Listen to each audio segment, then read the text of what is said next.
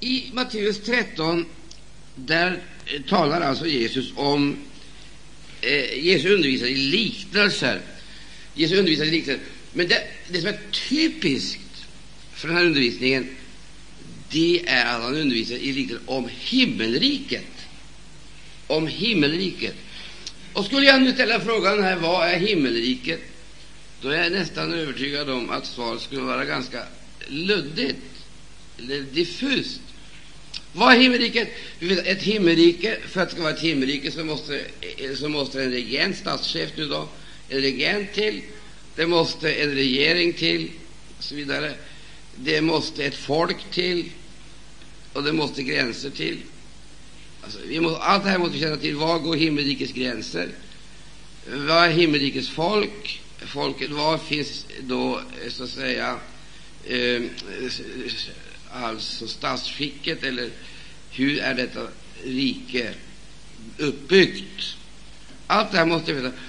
Allt det här måste jag veta om jag överhuvudtaget ska kunna skilja ut detta rike från alla andra riken.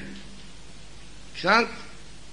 Jag vet var Norge ligger någonstans, jag vet var Sverige ligger någonstans, men vet jag var himmelriket ligger någonstans? Då vet jag att himmelriket det är inte ett geografiskt rike, ett fysiskt rike, men ett andligt rike. Men det innebär inte att det är ett rike utan gränser. Nej, det gör det inte.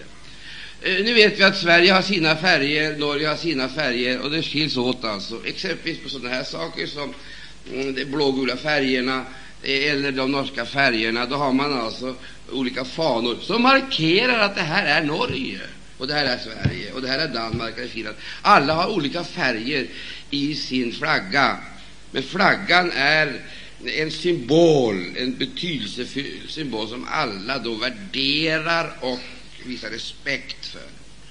Därför att den flaggan, den står som symbol.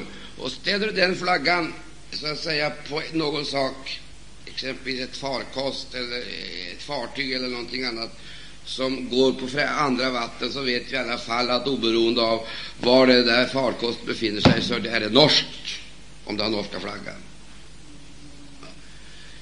Man känner igen alltså vissa saker. Det vissa igenkänningstecken, symboler som ger besked om att det här är under exempelvis det eller det rikes då, välde. Men Guds rike det är någonting diffust och, och, och, och svårt alltså att gripa, Men det beror på att vi har fått en sån fullständigt felaktig uppfattning om Guds rike. Och därför så allegoriserar vi, vi, säger, vi, vi, över, vi, vi, över, mm, eh, vi överför det här nu till termer som blir andliga. Och så säger vi det är ett andligt rike. Men vad är ett andligt rike? Då är det ungefär som vi har sagt, ett andligt rike det är någonting alltså, som inte existerar samtidigt som det existerar. Ehm, då har man alltså kommit in på det abstrakta området, och ingen vet egentligen var Gudsriket är någonstans. Om jag säger så här, om jag säger så här att Guds eller himmelriket skiljer sig ju ifrån världen. På den punkten är vi väl helt eniga. Det, det, det är alltså oförenligt. Men det innebär inte att inte himmelriket kan förverkligas. Och det är där problemet ligger. För att vi har alltså fullkomlighetsideal på himmelriket. Därför att vi glömmer att himmelriket, det är ett rike i vardande. Det är inte slutgiltigt och, och, och, och, så att säga slutgiltigt. Det är ett rike i vardande med avseende på många väsentliga ting. Så när Jesus säger så här, eh, han undervisar lite om himmelriket, så gör han det av den enkla anledningen att vi behöver en undervisning, självklart, som ger oss principerna för det rike som vi inte kan registrera med våra fem sinnen, men som existerar alltså. Och vad ska han då göra? Då plockar han ur den fysiska verkligheten fram de principer som gäller, exempelvis som gäller inom växtvärlden, ja, eller som gäller inom eh, eh, inom andra områden tar fram principer. Och så med detta illustrerar han då eh, himmelriket, inte som om Eh, De här liknelserna skulle i och för sig representera något mera verkligt än själva himmelriket. Men just av den anledningen att vi inte kan tillgodogöra oss detta eh, med himmelriket, eh, därför vi inte kan registrera det med våra fem sinnen. När Jesus säger så här, mitt rike är icke av denna världen, då har jag en känsla av att då har man förväxlat två saker. Eh, exempelvis, man har förväxlat två saker och så har man, så har man förpassat då himmelriket utanför alltså tillvarons gränser närmast eh, och la, förlagt det alltså till något, någon kommande eh, eon eller någon, en kommande eh, fullkomlig härlighet. Eh, men så undervisar ju inte Jesus. Utan nu ska vi titta på Matteus 13, och vi måste försöka koncentrera oss. Och jag blir så oerhört gripen när jag ser vad som står där. Jesus undervisar i liknelser om himmelriket. Det var alltså nödvändig, en absolut angelägen och nödvändig undervisning. Så går vi vidare då in i det här trettonde kapitlet. Då eh, undervisar han Jag ska ta upp tre saker för att du ska förstå principen. Följer du riktigt noga med här nu, då kommer du att förstå eh, sammanhanget och sambandet. Och du får mycket, mycket lättare sedan att fatta vad Jesus undervisar om, exempelvis sändebreven, sändebreven och sedan också då i Uppenbarelseboken i övrigt. Men här heter det i, eh, eh i den 24 versen, där heter det en annan liknelse framställde han för dem. Han sa, med himmelriket är det såsom när en man sådde god sed i sin åker. Alltså, nu påminner vi varandra om det här en gång till. En man sådde god sed i sin åker. Ja, men det var ju vad han skulle göra. Det är självklart. Har han en åker, så ska han ju så. Och ska han så, så ska han så god sed. Men det är inte det Jesus vill poängtera här, utan han vill poängtera när han säger god sed, att det finns annat att välja på. Men det här är alltså en klok man. Det är en klok man. Det är en mycket klok man som väljer det bästa, kvalitetsmedveten. Därmed så leds våra tankar till det gudomliga, vad egentligen det handlar om. Det är Gud vill att vi ska vara fullkomliga. Det är Guds vilja. Kan vi vara eniga om det? Det är Guds vilja att vi ska vara fullkomliga. Och Gud vill att hans församling ska representera något gudomligt och himmelskt. Inte så att vi blir änglar på något vis, men vi ska representera något himmelskt eh, och, och gudomligt. Eller för att säga det annorlunda, något äkta. Det där handlar om det är äktheten det är frågan om.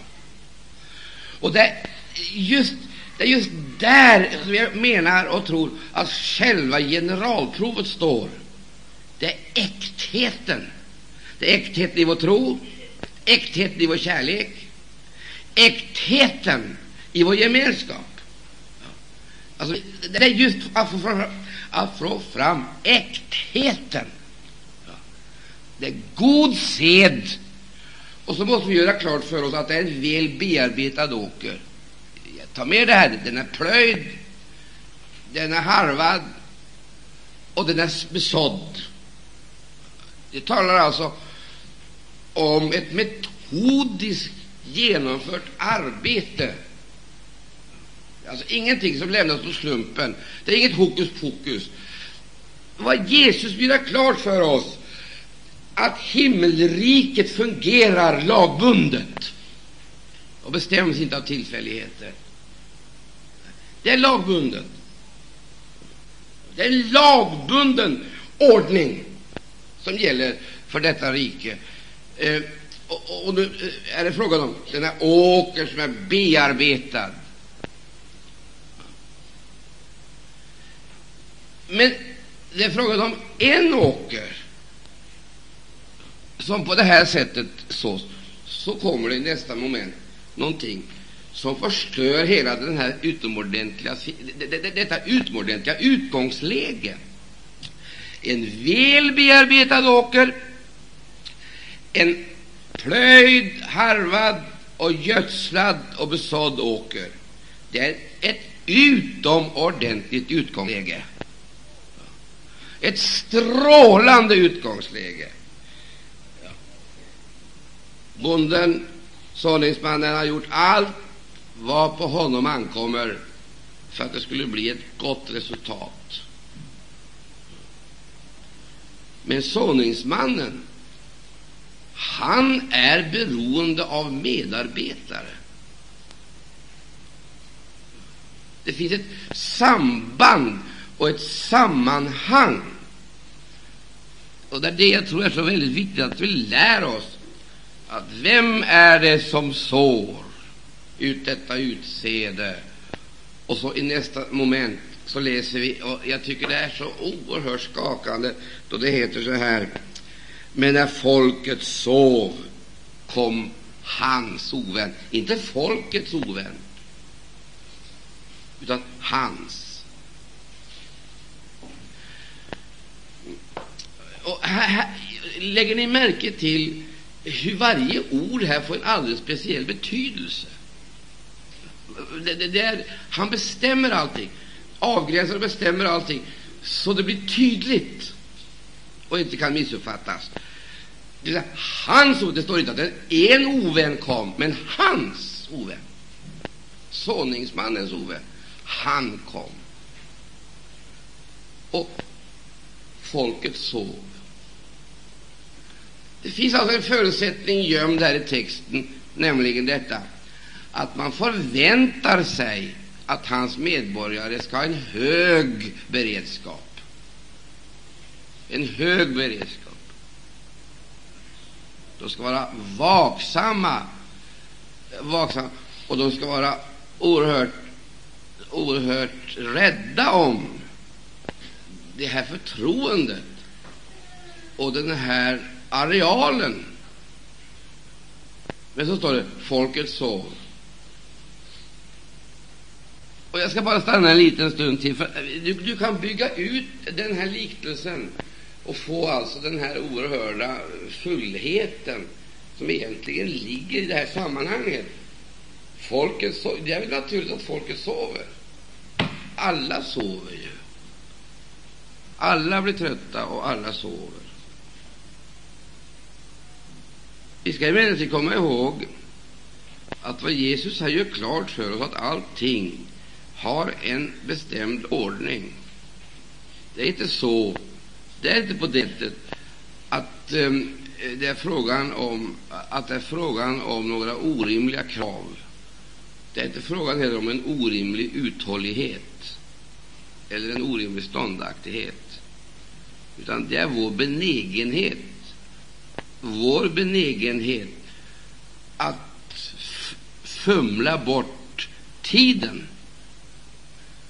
Folket så det innebar inte det innebar inte att de i och för sig var overksamma på alla områden, alla andra områden, men de var försumliga på ett alldeles speciellt område där de borde ha varit vakna.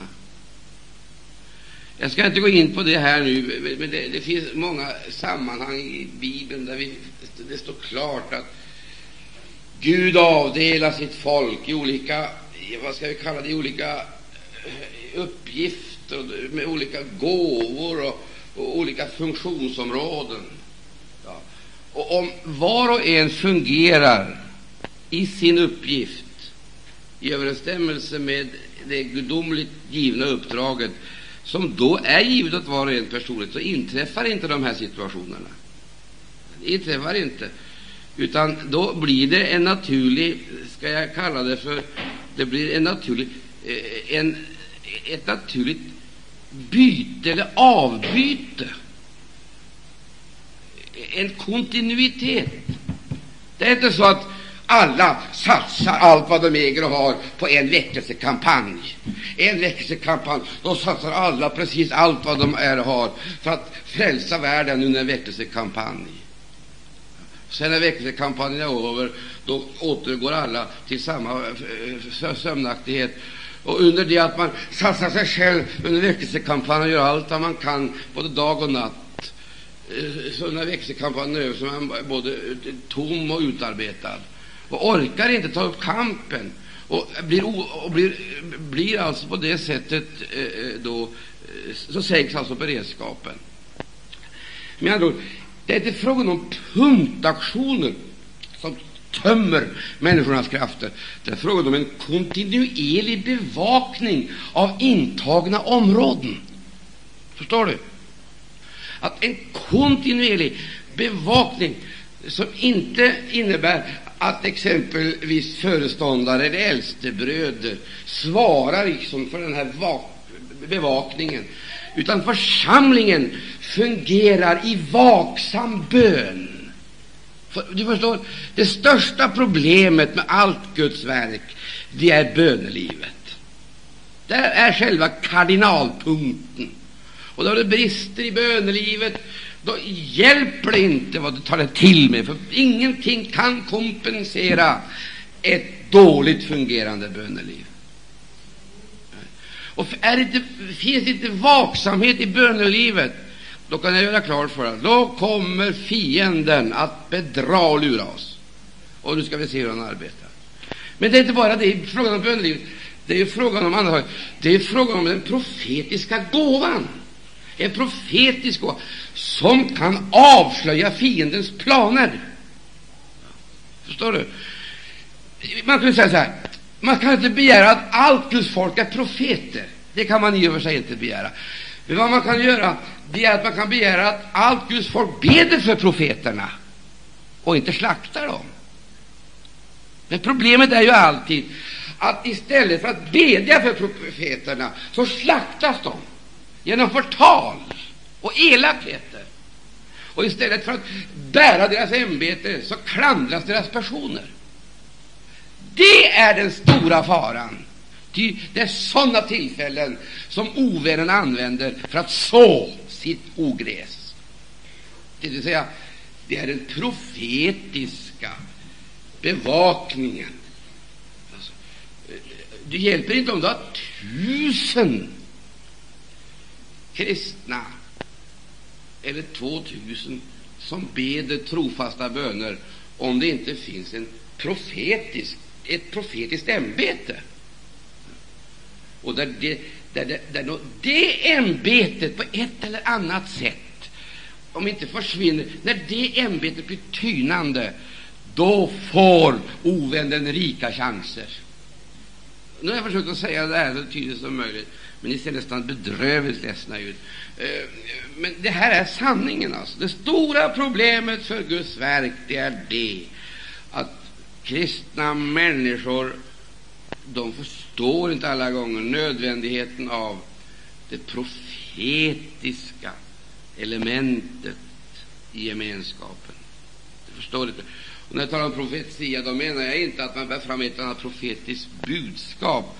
För hur värdefullt det än är med profetiska gåvor, så är det frågan om det profetiska ämbetet. Det profetiska ämbetet. Och där det profetiska ämbetet som förmodligen är det svåraste att bära. Förmodligen.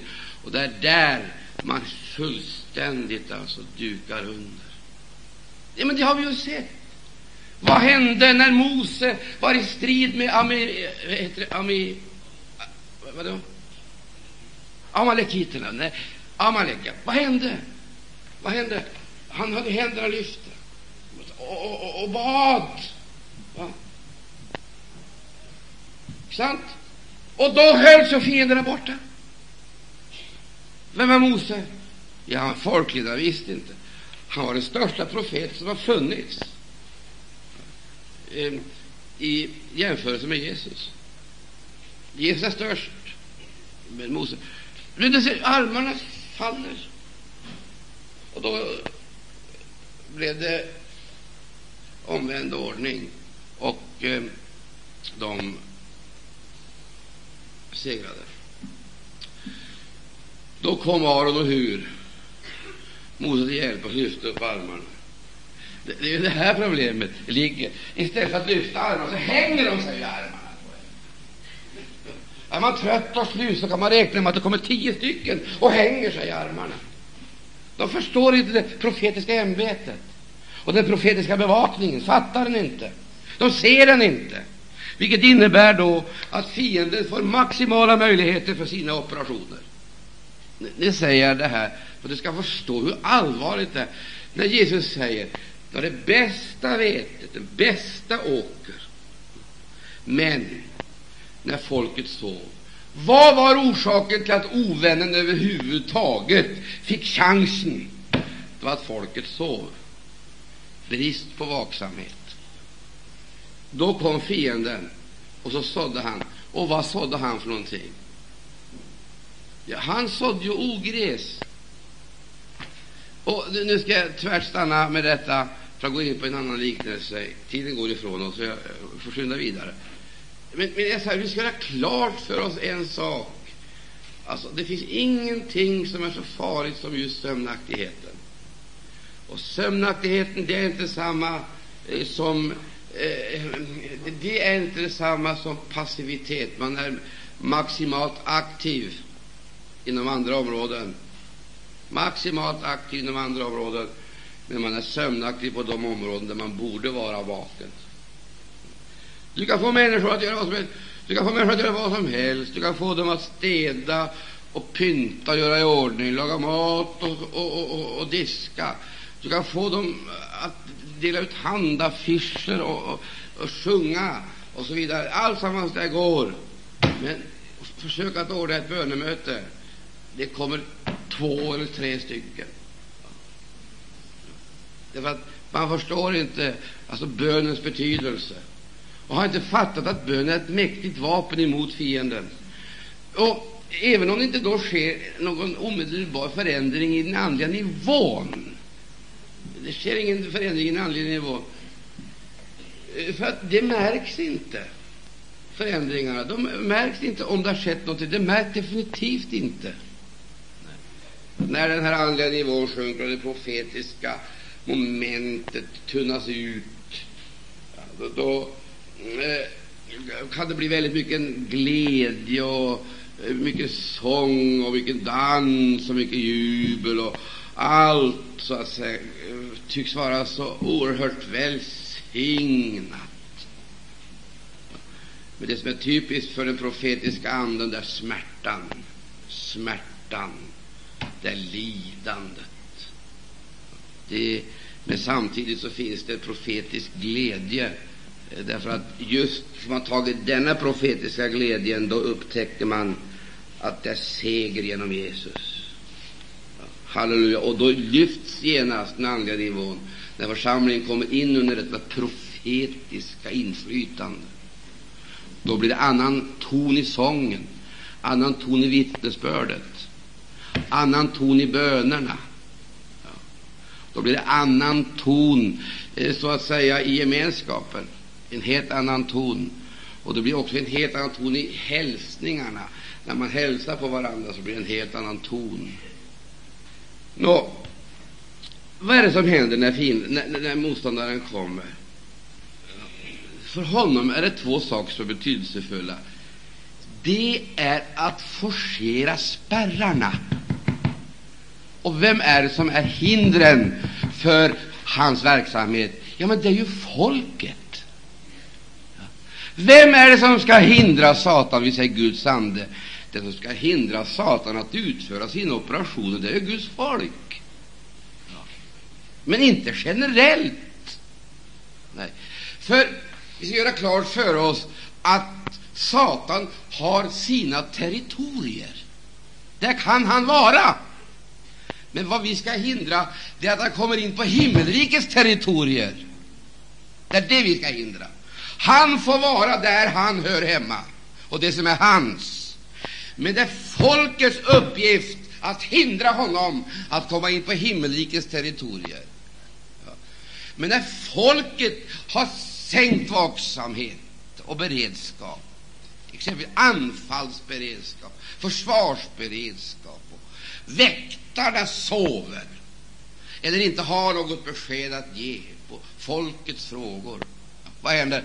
Då kommer han att få fri lejd in på åkern, men han måste arbeta på ett sådant sätt att han inte blir upptäckt. Agentverksamhet. För det vet vi väl, det är ju inte bara i krigstid eh, som exempelvis två, eh, eh, två eh, makter har eh, underrättelseverksamhet och spionage. Mitt under fredstid har man utvecklat spionage. Man utvecklar detta spionage genom att skaffa sig kunskaper om industrierna, om folket, om förhållandena. Varför? Just den dagen när det brakar ihop, då ska man ha maximal kunskap om sin fiende. Vi måste lära oss den här, vi måste lära oss den, eh, ska jag kalla det tekniken och taktiken. Alltså, fienden opererar även när vi tycker att det är fridfullt omkring oss. När vi tycker att det är eh, skönt och vilsamt, så opererar han. Han vill till varje pris skaffa sig maximala kunskaper som han i ett avgörande slag kan använda. Kan använda. Vad då för? Ja, men det är två riken som är i strid med varandra, och det ena riket vill naturligtvis utrota det andra. Vad gör han? Han måste operera så att han inte syns. Så då kommer han Folket sover, det vill säga, de upptäcker honom icke. De upptäcker honom inte. Och så kommer han in, och så börjar han så. Och nu ska du lyssna på vad jag säger. För det är det här som har tagit mig så kolossalt. Och du kommer att förstå det ännu bättre om en liten stund, när jag ska till detta addera ihop två liknelser, eller tre liknelser till av Jesus. Det finns en oerhörd konsekvens och lagbundenhet i det Jesus säger. Det gör det. Det ska vi göra klart för oss. Och Det här får inte överlämnas åt tillfälliga känslor, utan här är det frågan om träna sig och bli vaksam, medveten och skaffa sig kunskap och bli förtrogen med det profetiska budskapet och dess innehåll. För du ska förstå, när vi kommer in i Uppenbarelseboken, så ska du förstå hur fruktansvärt förvillad hela mänskligheten är. Förvillad därför att den saknar profeter. Den har predikanter som predikar nådens evangelium, men saknar profeter. Och det är ingen som vill bli profeter, kan jag försäkra er. För det är den här världens mest impopulära individer. Tänk dig på det här, hördu. Tänk dig på ett så fruktansvärt budskap. Det står om två vittnen. Två vittnen. Två vittnen trädde fram säck och aska. Det är Guds budbärare. Det är ingenting det är inget attraktivt. De kommer inte i prästkappa med guldkors, ordinerade och eh, prydda eh, med eh, så att säga, traditionens högtidliga dräkter. Nej, de trädde fram, vadå? De trädde fram säck och aska. Det var deras ämbetsdräkt. Och börjar vi ta reda på vad är det för gestalter det här frågan om, då känner vi igen profilerna. Det är Gammaltestamentets mest markanta profiler. Vilka? Mose och Elias.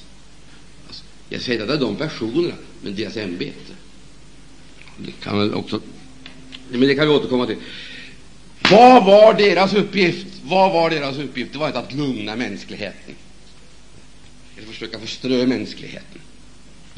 Det var inte att lugna ner sinnena, oroliga sinnen och tala frid till människorna för att de skulle känna sig glada och tillfredsställda. Vet du vad de gjorde? De åstadkom svåra plågor. Står det. Det var deras uppgift. Det var att plåga. Och det är ju här problemet ligger. Därför att det här är ju helt i strid med psykologi och psykiatri, pedagogik och allting annat som människorna är så beroende av och som de sätter sin tilltro till. Så träder Herrens tjänare fram, alltså, specialrustade för just den tidpunkten, med ett alldeles speciellt budskap. Och åstadkommer det plågor, ständiga irritationer. Och vi ska väl se lite längre fram vad dessa plågor bestod i för någonting. Om vi läser nu vidare här, så heter det ju faktiskt, när folket så kom hans ovän och sådde ogräs mitt ibland vetet, och så gick han sedan sin väg. Han kom, utförde sitt uppdrag, och så gick han sedan sin väg. Då hade han alltså fullgjort det han skulle göra. Och då drog han åstad, naturligtvis väldigt belåten över att han hade fått arbeta utan konflikter eller konfrontationer. Allt hade gått städat och friktionsfritt till. Och, och, och då går vi åter in på ett område, för, att vi, för Jesus har ju sagt jag har inte kommit för att sända frid, sa Jesus. Vad innebär det? Jag det finns vissa bibelställen som inte jag vågar läsa därför att man får onödigtvis människor emot sig. Jag har inte kommit för att sända frid, sa Jesus. Sa han inte det? Utan strid. Och vi menar att friden det är det typiska kännemärket för Guds rike. Ja, det är det väl för Guds rike, men inte för himmelriket. Och så berättar han då hur denna striden ska bli. Eh, far emot son och och så vidare. De närmaste ska träda upp emot varandra. Och det menar han, det är ett tydligt bevis på hans verksamhet. Det är ett kännetecken på hans verksamhet. Vad då? Konflikter och strider. Men inte för konflikter och stridernas egen skull. Men varför? Jo, du ska få se dem ett litet ögonblick om du dröjer, så ska du förstå det den här mannen, eller såningsmannen, som kommer och sår ut sitt ogräs och så försvinner han. Han behöver inte vara orolig längre, för han har fullgjort sin uppgift. Han ger sig inte iväg ut med en lie eller någonting för att få bort allt det andra ifrån åkern. Han börjar inte riva och slita i det som tidigare sås, eller få bort det. Det bör han inte göra. Varför? därför han har lagt ogrässedet i den åker som kan ge sedet näring och tillväxt. Det var ingen annan åker, utan den. Alltså samma åker. Och vad händer? Ja, men det blir ju, det blir ju grodd. Och det, växer ju. Det växer, och det växer inte efter några andra principer än det som har såtts tidigare. Det är samma principer. Hämtar näring från samma åker, är nedbäddat i samma jord, i samma mylla, växer upp tillsammans med, tillsammans med, inte ens tillväxten är i och för sig något bevis för någonting äkta. Att det gror, att det växer, det är inget bevis för att det är äkta. När får man veta att det är äkta? I skördetiden. Vad handlar det då om? Det handlar om mognaden. Det är i själva mognaden det avslöjas. Äkt, inte äkthetsgraden, men om det överhuvudtaget är äkta. Det är skördetiden. Nu ska jag stanna där, men observera vad jag nu har sagt. Det är samma åker samma jord som ger näring och tillväxt. Och det är samma lagar som fungerar och möjliggör tillväxten. Skillnaderna visar sig vid skördetiden, alltså vid eh, mog, genom mognaden.